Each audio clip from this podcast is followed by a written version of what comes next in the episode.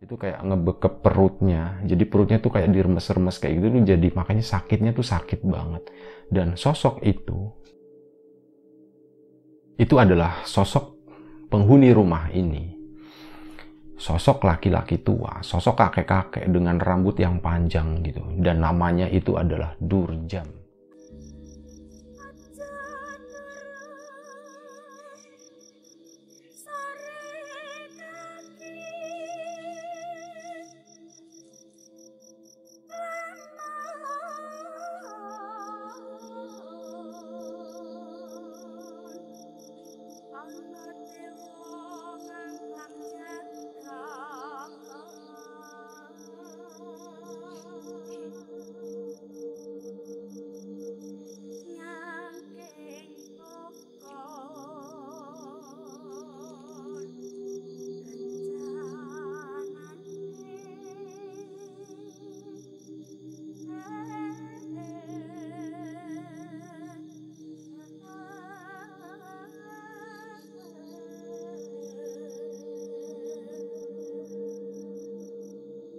Ini adalah malam Jumat dan sekarang udah pukul 23 lewat 31. Ini adalah cerita ke-209 di Lapak Horor. Tapi sebelum kita ke cerita, seperti biasa gue pengen ucapin banyak-banyak terima kasih buat kawan-kawan subscriber semuanya. Terima kasih buat kawan-kawan yang udah ngasih support, udah ngasih dukungan. Terima kasih juga buat kawan-kawan yang udah ngasih like, udah nge-share ke yang lainnya dan nggak lupa juga, terima kasih banyak buat kawan-kawan yang udah ninggalin komentar. Terima kasih banyak semuanya. Dan informasi aja buat kawan-kawan yang mau nge-share ceritanya. Karena lumayan banyak juga yang bertanya gimana sih cara share cerita ke lapak horor. Sebenarnya di beberapa puluh video sebelum video ini itu udah dicantumin di bagian deskripsi video gimana caranya nge-share cerita ke lapak horor. Nah mungkin kawan-kawan yang mau nge-share ceritanya, itu silahkan langsung aja cek di deskripsi di bawah video ini.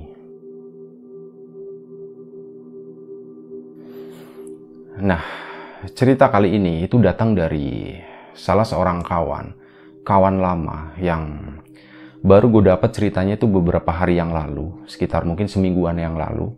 Jadi waktu itu, sore itu, kita lagi biasalah kalau malam Jumat Kliwon kita kan sering ke nyekar ke kuburan gitu ya. Nah nggak sengaja ketemu di situ.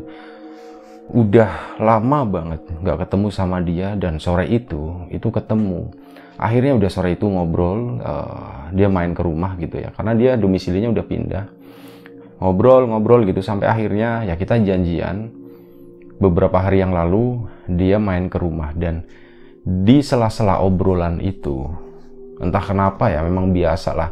Seperti itu kebetulan gue juga ada beberapa kali ngalamin hal-hal kayak gitu ya hal-hal mistis itu sama dia juga. Dan malam itu dia tuh cerita tentang apa yang dialami dengan sama keluarganya yaitu kakaknya.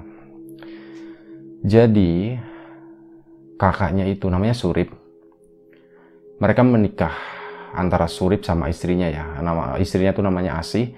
Mereka menikah waktu itu bertahun-tahun yang lalu, tepatnya juga gue nggak tahu. Intinya mereka menikah, kemudian mereka tuh pindah ke satu rumah. Rumah itu adalah rumah waris milik istrinya. Tapi rumah itu memang kondisinya itu waktu itu itu emang boleh dibilang nggak layak huni. Jadi itu sebuah rumah tua dengan kondisi yang lumayan rusak, banyak yang bocor, eh, temboknya juga udah lapuk gitu. Dan rumah itu udah nggak ditempatin kurang lebih sekitar 11 tahun. Rumah itu kosong. Banyak yang bilang kalau di rumah itu tuh banyak penghuninya. Banyak yang nunggu. Tapi ya namanya orang baru menikah ya. Apalagi sekarang bangun rumah sendiri beli tanah kayak itu tuh kan mahal banget. Sementara di situ itu udah ada rumah. Kenapa nggak direnov aja? Waktu itu tuh berpikirnya seperti itu. Dan ya akhirnya rumah itu pun dibenerin sedikit demi sedikit sambil ditempatin kayak gitu. Awalnya sih semuanya berjalan lancar aja. Meskipun udah kerasa ya, jadi begitu mereka masuk antara si Mas Surip sama Mbak Asih itu, suami istri itu, mereka masuk ke rumah itu itu udah ngerasa ada sesuatu yang janggal. Mungkin bener ya apa yang dibilang sama orang-orang kalau rumah itu adalah rumah yang angker atau rumah yang wingit gitu. Dan mereka itu merasakan di awal-awal mereka tinggal di sana, meskipun gangguannya itu nggak terlalu kuat. Awal-awal mereka tuh kayak katanya sih banyak yang seliweran di rumah. Terus sesekali ada suara kayak orang mandi di kamar mandi, padahal waktu itu cuma mereka berdua yang nempatin kayak gitulah. Tapi lama kelamaan godaan atau gangguan itu tuh makin kuat, makin menjadi-jadi, makin sering banget yang namanya penampakan kayak gitu ya, terutama waktu si istrinya Mbak Asih itu hamil. Jadi pas waktu hamil, itu si Mas Surip gitu ya, dia dari belakang malam-malam kan, si istrinya ditinggalin tidur sendiri di ruang tengah waktu itu tidurnya. Nah, pas dia mau balik dari belakang masuk ke ruang tengah tadi, dia itu kaget banget ngelihat istrinya Asih itu. Itu di sampingnya itu udah duduk satu sosok, sosok perempuan. Mungkin ya kita kenal dengan nama kuntilanak kayak gitu ya. Nah, kuntilanak tadi itu udah duduk di sampingnya Mbak Asih sambil ngeliatin gitu, ngeliatin perutnya. Kalau kata Mas Surip ya, matanya itu arahnya ke arah perut gitu Wah, ngeliat kayak gitu si Mas Surip kebetulan.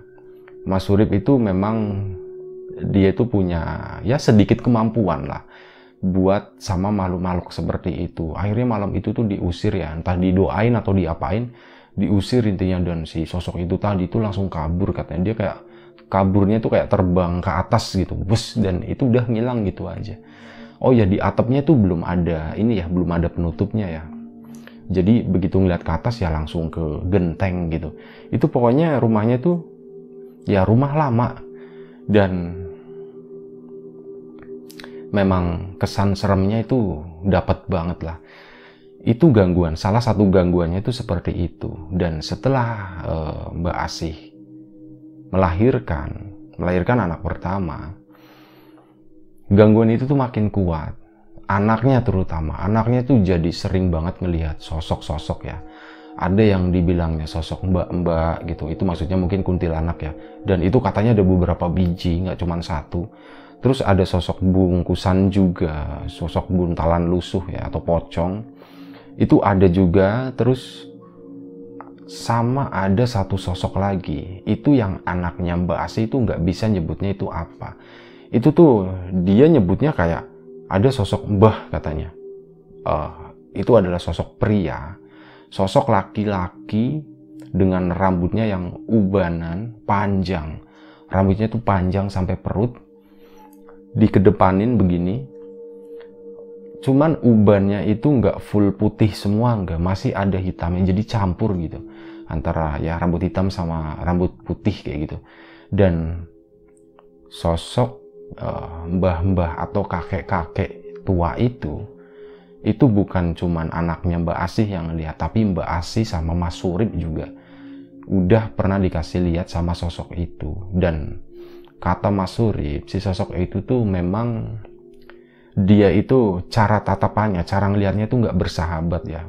Cenderung diem aja berdiri gitu misal nampakin diri tuh kayak berdiri di depan pintu pintu belakang ke arah dapur sana berdiri ngeliatin kayak gini sambil ininya rambutnya panjang. Dan tatapannya tuh nggak bersahabat nggak suka intinya kayak gitulah. Nah suatu hari gangguan itu makin kuat makin kuat. Dan suatu hari si Mas Surip itu jatuh sakit. Awalnya sih ngira kalau sakit itu tuh sakit medis gitu ya. Emang udah diupayakan secara medis dan itu berlangsung selama beberapa bulan pengobatan. Yang dikeluhkan itu perut bagian perut itu sakit ya. Mungkin pas awal-awal itu curiganya oh bisa asam lambung atau ada masalah di lambung gitu ya. Dicek ke dokter ya memang benar ada masalah lambung tapi nggak terlalu parah. Anehnya itu udah diobatin ya.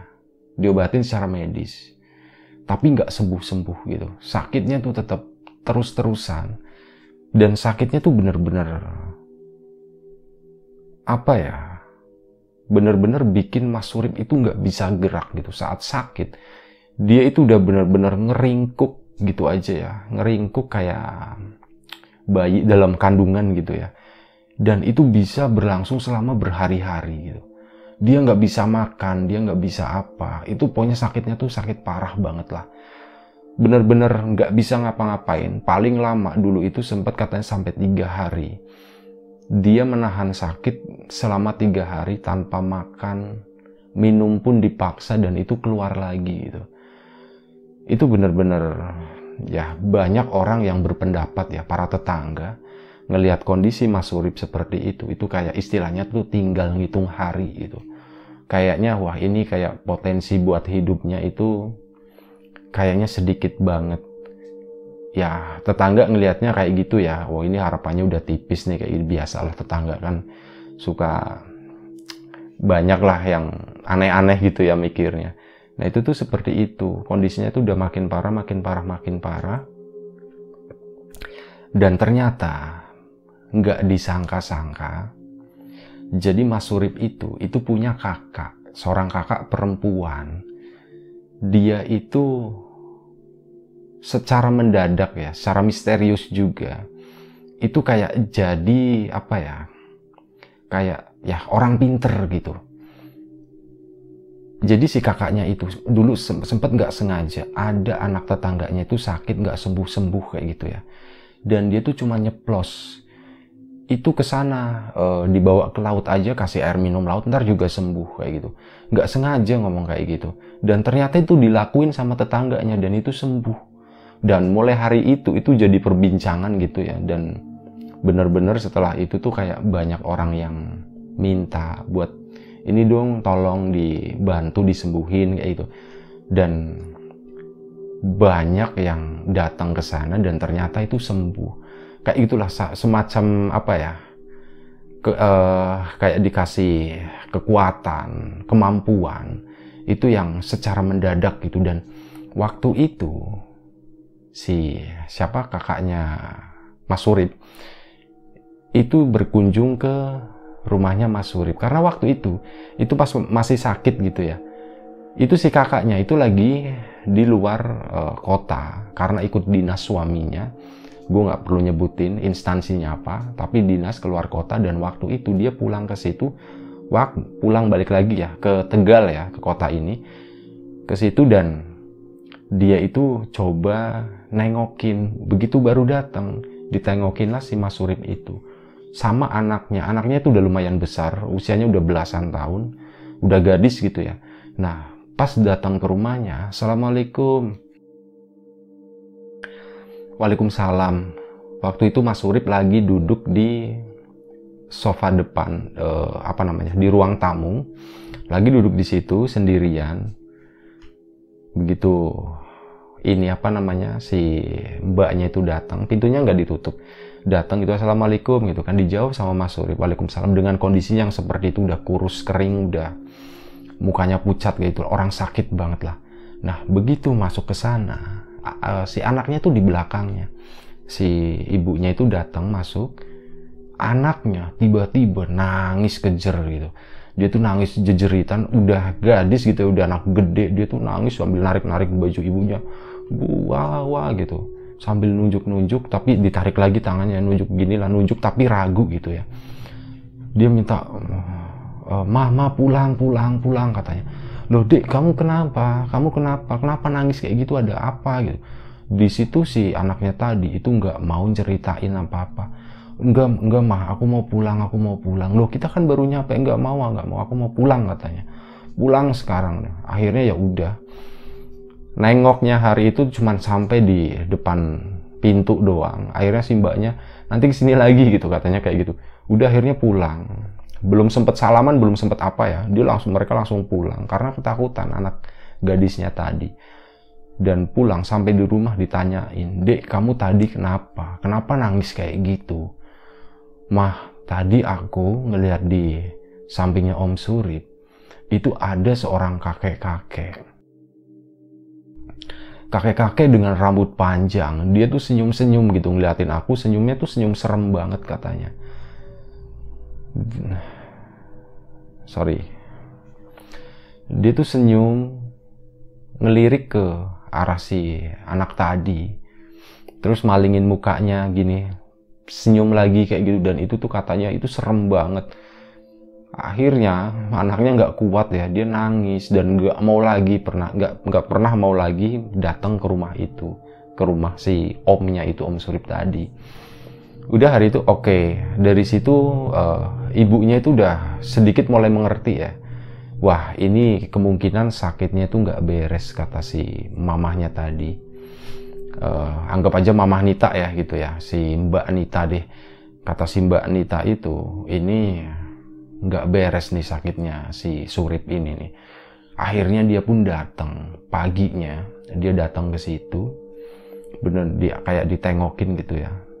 Pengen tahu sih apa sebenarnya yang terjadi dan di situ ketemu sama Surip. Si Mbak Nita itu udah kayak bisa ngerasain dia kayak udah bisa namanya mungkin uh, batinnya tuh peka gitu ya. Dia tuh udah bisa ngerasain oh oke. okay.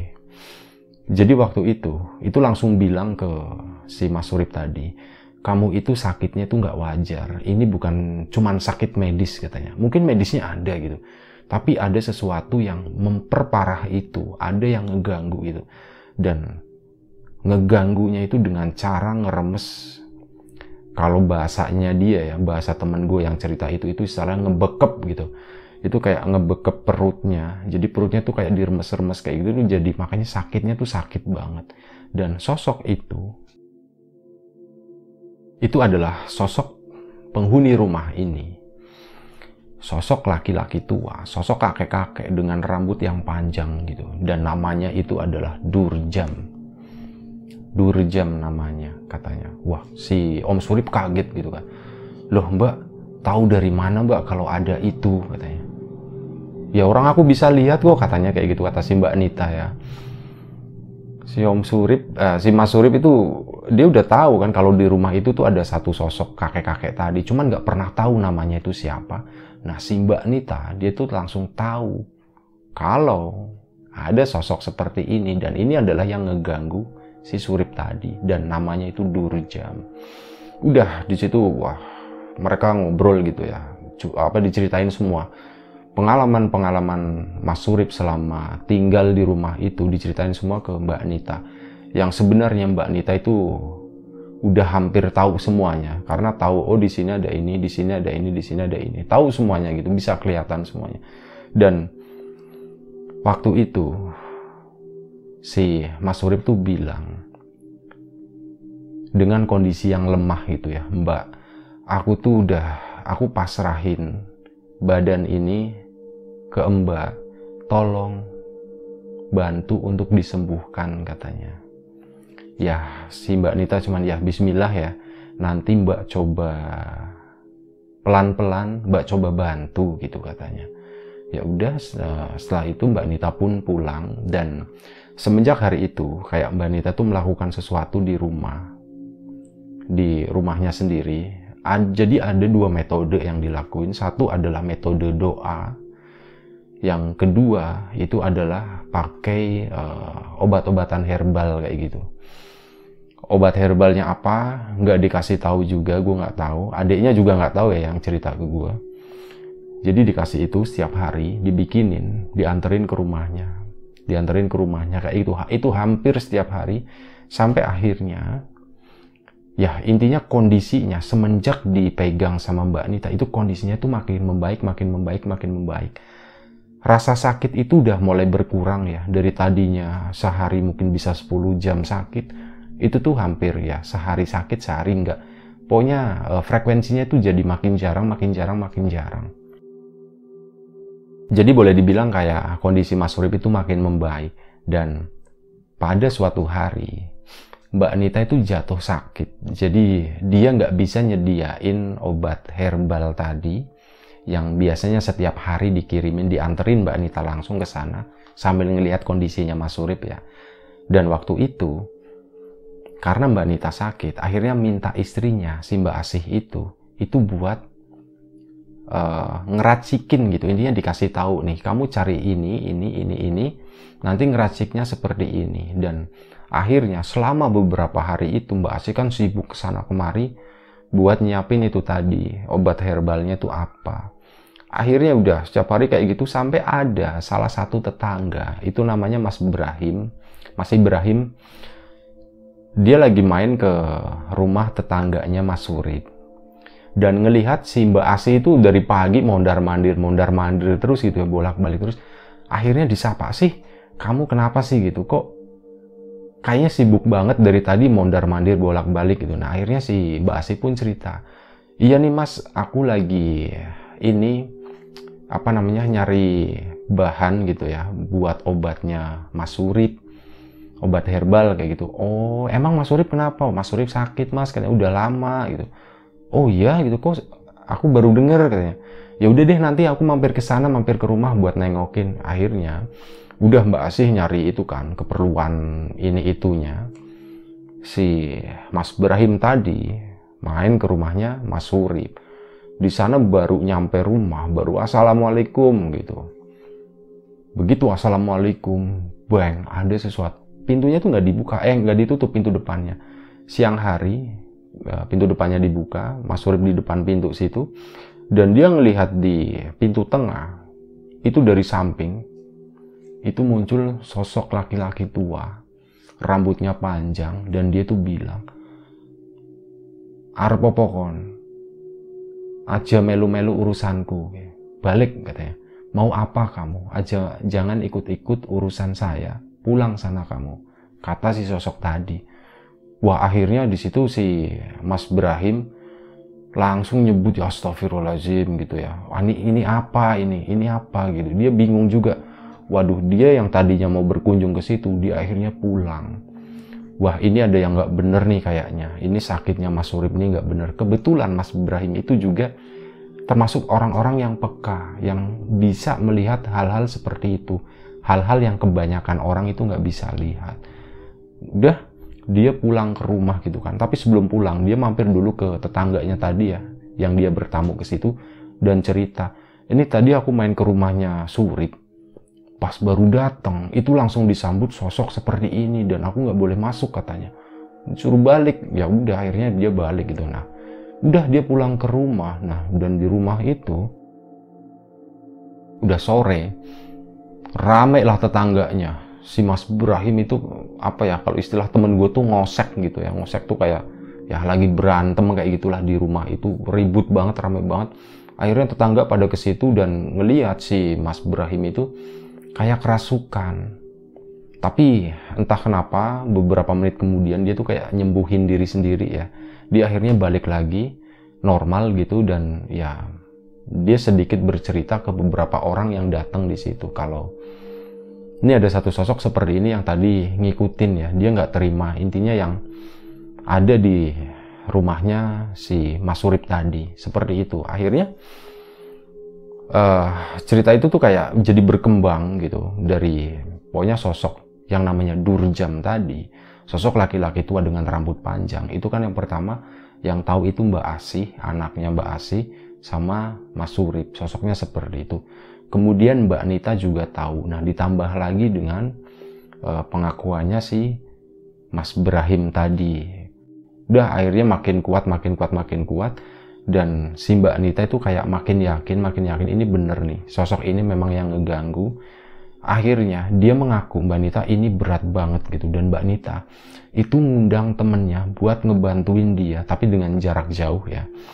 Dibantuin gitu dan akhirnya setelah tiga bulan kurang lebih iya sekitar tiga bulan si Mas Surip itu kondisinya makin membaik dan dinyatakan sembuh. Alhamdulillah banget sakitnya udah hilang sama sekali, kondisinya makin pulih, Mas Suri pun kembali uh, mulai seger lagi ya, agak gemuk ya. Pertanyaannya adalah, ke manakah si Bah Durjam tadi? sosok jin yang selama ini ngeganggu Mas Surip. Pertanyaannya itu di mana? Ya, pertanyaan tuh itu gitu. Bahkan Mbak Anita pun nggak tahu ini sosok ini tuh ke mana. Kenapa dia tiba-tiba pergi? Dengan gampangnya dia ngelepasin gitu ya. Itu jadi pertanyaan besar waktu itu. Ya udah tapi udahlah yang penting sembuh, Mas Suripnya udah sembuh, semuanya sehat gitu. Dan akhirnya nggak disangka-sangka setelah kurang lebih sekitar dua bulan setelah Mas Surip sembuh, Mbak Asih yang sakit. Tiba-tiba sakitnya mendadak. Mbak Asih itu tiba-tiba uh, lumpuh segujur badannya, nggak bisa digerakin. Kalau mukanya ngomongnya itu masih kencang, masih sehat gitu. Cuman itu tadi badannya itu nggak bisa digerakin Mbak Anita langsung beberapa hari kemudian ya, jadi nggak langsung tahu. Beberapa hari kemudian baru dikasih tahu kalau Mbak ini uh, Asih sakit gitu, dikasih tahu sama Mas Surip. Asih sakit tiba-tiba begini gitu, tiba-tiba lumpuh. Akhirnya Mbak Anita langsung meluncur ke situ buat nengokin si Mbak Asih dan ya langsung kelihatan lagi. Mbak Anita tahu siapa pelakunya. Pelakunya adalah si Durjam tadi, masih sosok yang sama. Dan akhirnya sore itu juga uh, Mbak Nita kayak ngomong hal yang serupa ke Mbak Nita, Mbak, tolong saya titip badan gitu, tolong sembuhkan, bantu saya buat nyembuhin ini katanya. Kata Mbak Nita, ya eh kata si siapa Mbak Asih, ya Mbak Nita ngelihat kondisi yang seperti itu ya dia hanya bisa menjawab iya nanti saya bantuin. Insya Allah nanti malam aku bikinin ini ya, aku bikinin obat, bikinin obat herbal katanya. Ya udah sih Mbak Asi seneng gitu. Itu siang hari waktu itu. Siang hari sekitar jam 11 ngomong seperti itu mereka ketemu Mbak Nita nengokin ya dan Mbak Nita pun pulang ke rumah karena ada urusan lain makanya baru bisa nyiapin herbal tadi itu malam harinya dan Ternyata sore harinya jam 5 Mbak Asih itu udah keburu meninggal. Dan ada sebuah penyesalan di diri Mbak Nita ya. Kenapa nggak dari tadi sore ya ditolonginnya gitu? Kenapa harus nunggu sampai malam? Ya, Mbak Nita punya alasan sendiri sih karena memang waktu itu lagi ada urusan lain dan menurut Mbak Nita ini sebenarnya nggak parah-parah banget nih yang ngeganggu ini, ini masih sosok yang sama si Durjam tadi ditambah sorry dari tadi gue lupa nyebutin jadi waktu Mbah Durjam nyerang Mas Surip sama nyerang Mbak Asih itu dia nggak sendiri sosok-sosok penunggu rumah itu itu tuh pada ngikutin bantuin jadi kayak bener-bener yang gangguin itu banyak banget cuma memang kuncinya pemimpinnya itu si Durjam tadi. Dan sore itu Mbak Asih meninggal. Itu pun ya katanya sih karena apa ya ya yang namanya umur usia itu pasti Allah yang menentukan ya cuman kan jalan meninggalnya seperti apa itu kan banyak cara nah termasuk yang terjadi dengan Mbak Asih itu Mbak Asih itu meninggal karena sakit yang akibat gangguan itu tadi, gangguan dari jin, jin yang bernama Durjam itu. Ya, akhirnya Mbak Anita pun share ke keluarga gitu ya kalau kejadiannya tuh seperti ini. Kenapa adiknya ini yang cerita ke gue tuh tahu banyak cerita? Karena mereka tuh semuanya keluarga ya. Mas Suri, Mbak Asi, mereka suami istri dan sama Mbak Anita juga. Sama adiknya ini. Ya udah mereka tuh waktu itu kumpul. Apa sih sebenarnya yang terjadi selama ini? Nah dibuka semua. Akhirnya jadilah cerita seperti ini. Kurang lebih seperti itu ceritanya tentang Mas Surip dan almarhumah Mbak Asih termasuk juga Mbak Nita tentang satu sosok penunggu rumah yang sekarang ditempatin sama Mas Surip yang namanya Mbah Durjam sosok laki-laki, sosok jin wujudnya itu oh, laki-laki tua, nggak pakai baju ya, laki-laki tua, telanjang dada, bawahnya itu pakai celana, celananya seperti apa gue juga kurang tahu. Cuman disebutin doang rambutnya itu panjang. Nah, sampai sekarang Mas Surip itu masih nempatin rumah itu. Alasannya kenapa gue juga nggak tahu. Jadi cerita ini gue ceritain ke kawan-kawan semua itu berdasarkan informasi yang gue dapet dari adiknya Mas Surip ini yang temen deket gue dan ini sangat mendekati uh, poin-poinnya gitu ya itu sangat mendekati dengan apa yang dia ceritain kalau ada pertanyaan-pertanyaan ya mungkin banyak dari kawan-kawan yang oh kok kenapa seperti ini kenapa seperti itu itu kemungkinan besar adalah sesuatu yang gue juga nggak tahu dan adiknya Mas Urip juga nggak tahu apa yang terjadi gitu. Nah, jadi kalau misal banyak pertanyaan ini, ini, ini, itu gitu ya, kemungkinan gue juga nggak tahu jawabannya itu seperti apa. Kayak gitu, masih banyak hal yang misterius tentunya. Jadi nggak semua cerita dalam cerita horor itu harus ada penjelasannya gitu. Kenapa? Ya karena itu ini bukan sinetron, ini bukan cerita skenario yang dibikin-bikin. Kalau bikin-bikin ya bisa aja gue bikin-bikin dan gue pasti tahu semua jawabannya. Cuman masalahnya adalah gue nggak tahu. Kalau ada yang gue nggak tahu, gue pasti akan bilang nggak tahu gitu. Terima kasih buat kawan-kawan yang udah mau nonton, udah mau dengerin cerita ini. Mohon doanya untuk almarhumah Asih Mbak Asih juga. Mohon doanya untuk ya keluarganya Mas Surip supaya diberi ketabahan dan kekuatan ya mohon doanya juga untuk kita semuanya, untuk gue dan untuk kawan-kawan semua. Kita saling mendoakan ya. Gue mohon maaf misal ada salah-salah kata, ada sesuatu yang membingungkan, ada ya hal-hal yang nggak mengenakan dalam menceritakan cerita ini, ya gue mohon maaf. Dengan segala keterbatasan, dengan kerendahan hati gue mohon maaf.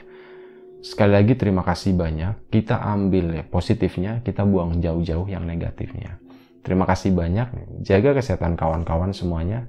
Assalamualaikum warahmatullahi wabarakatuh.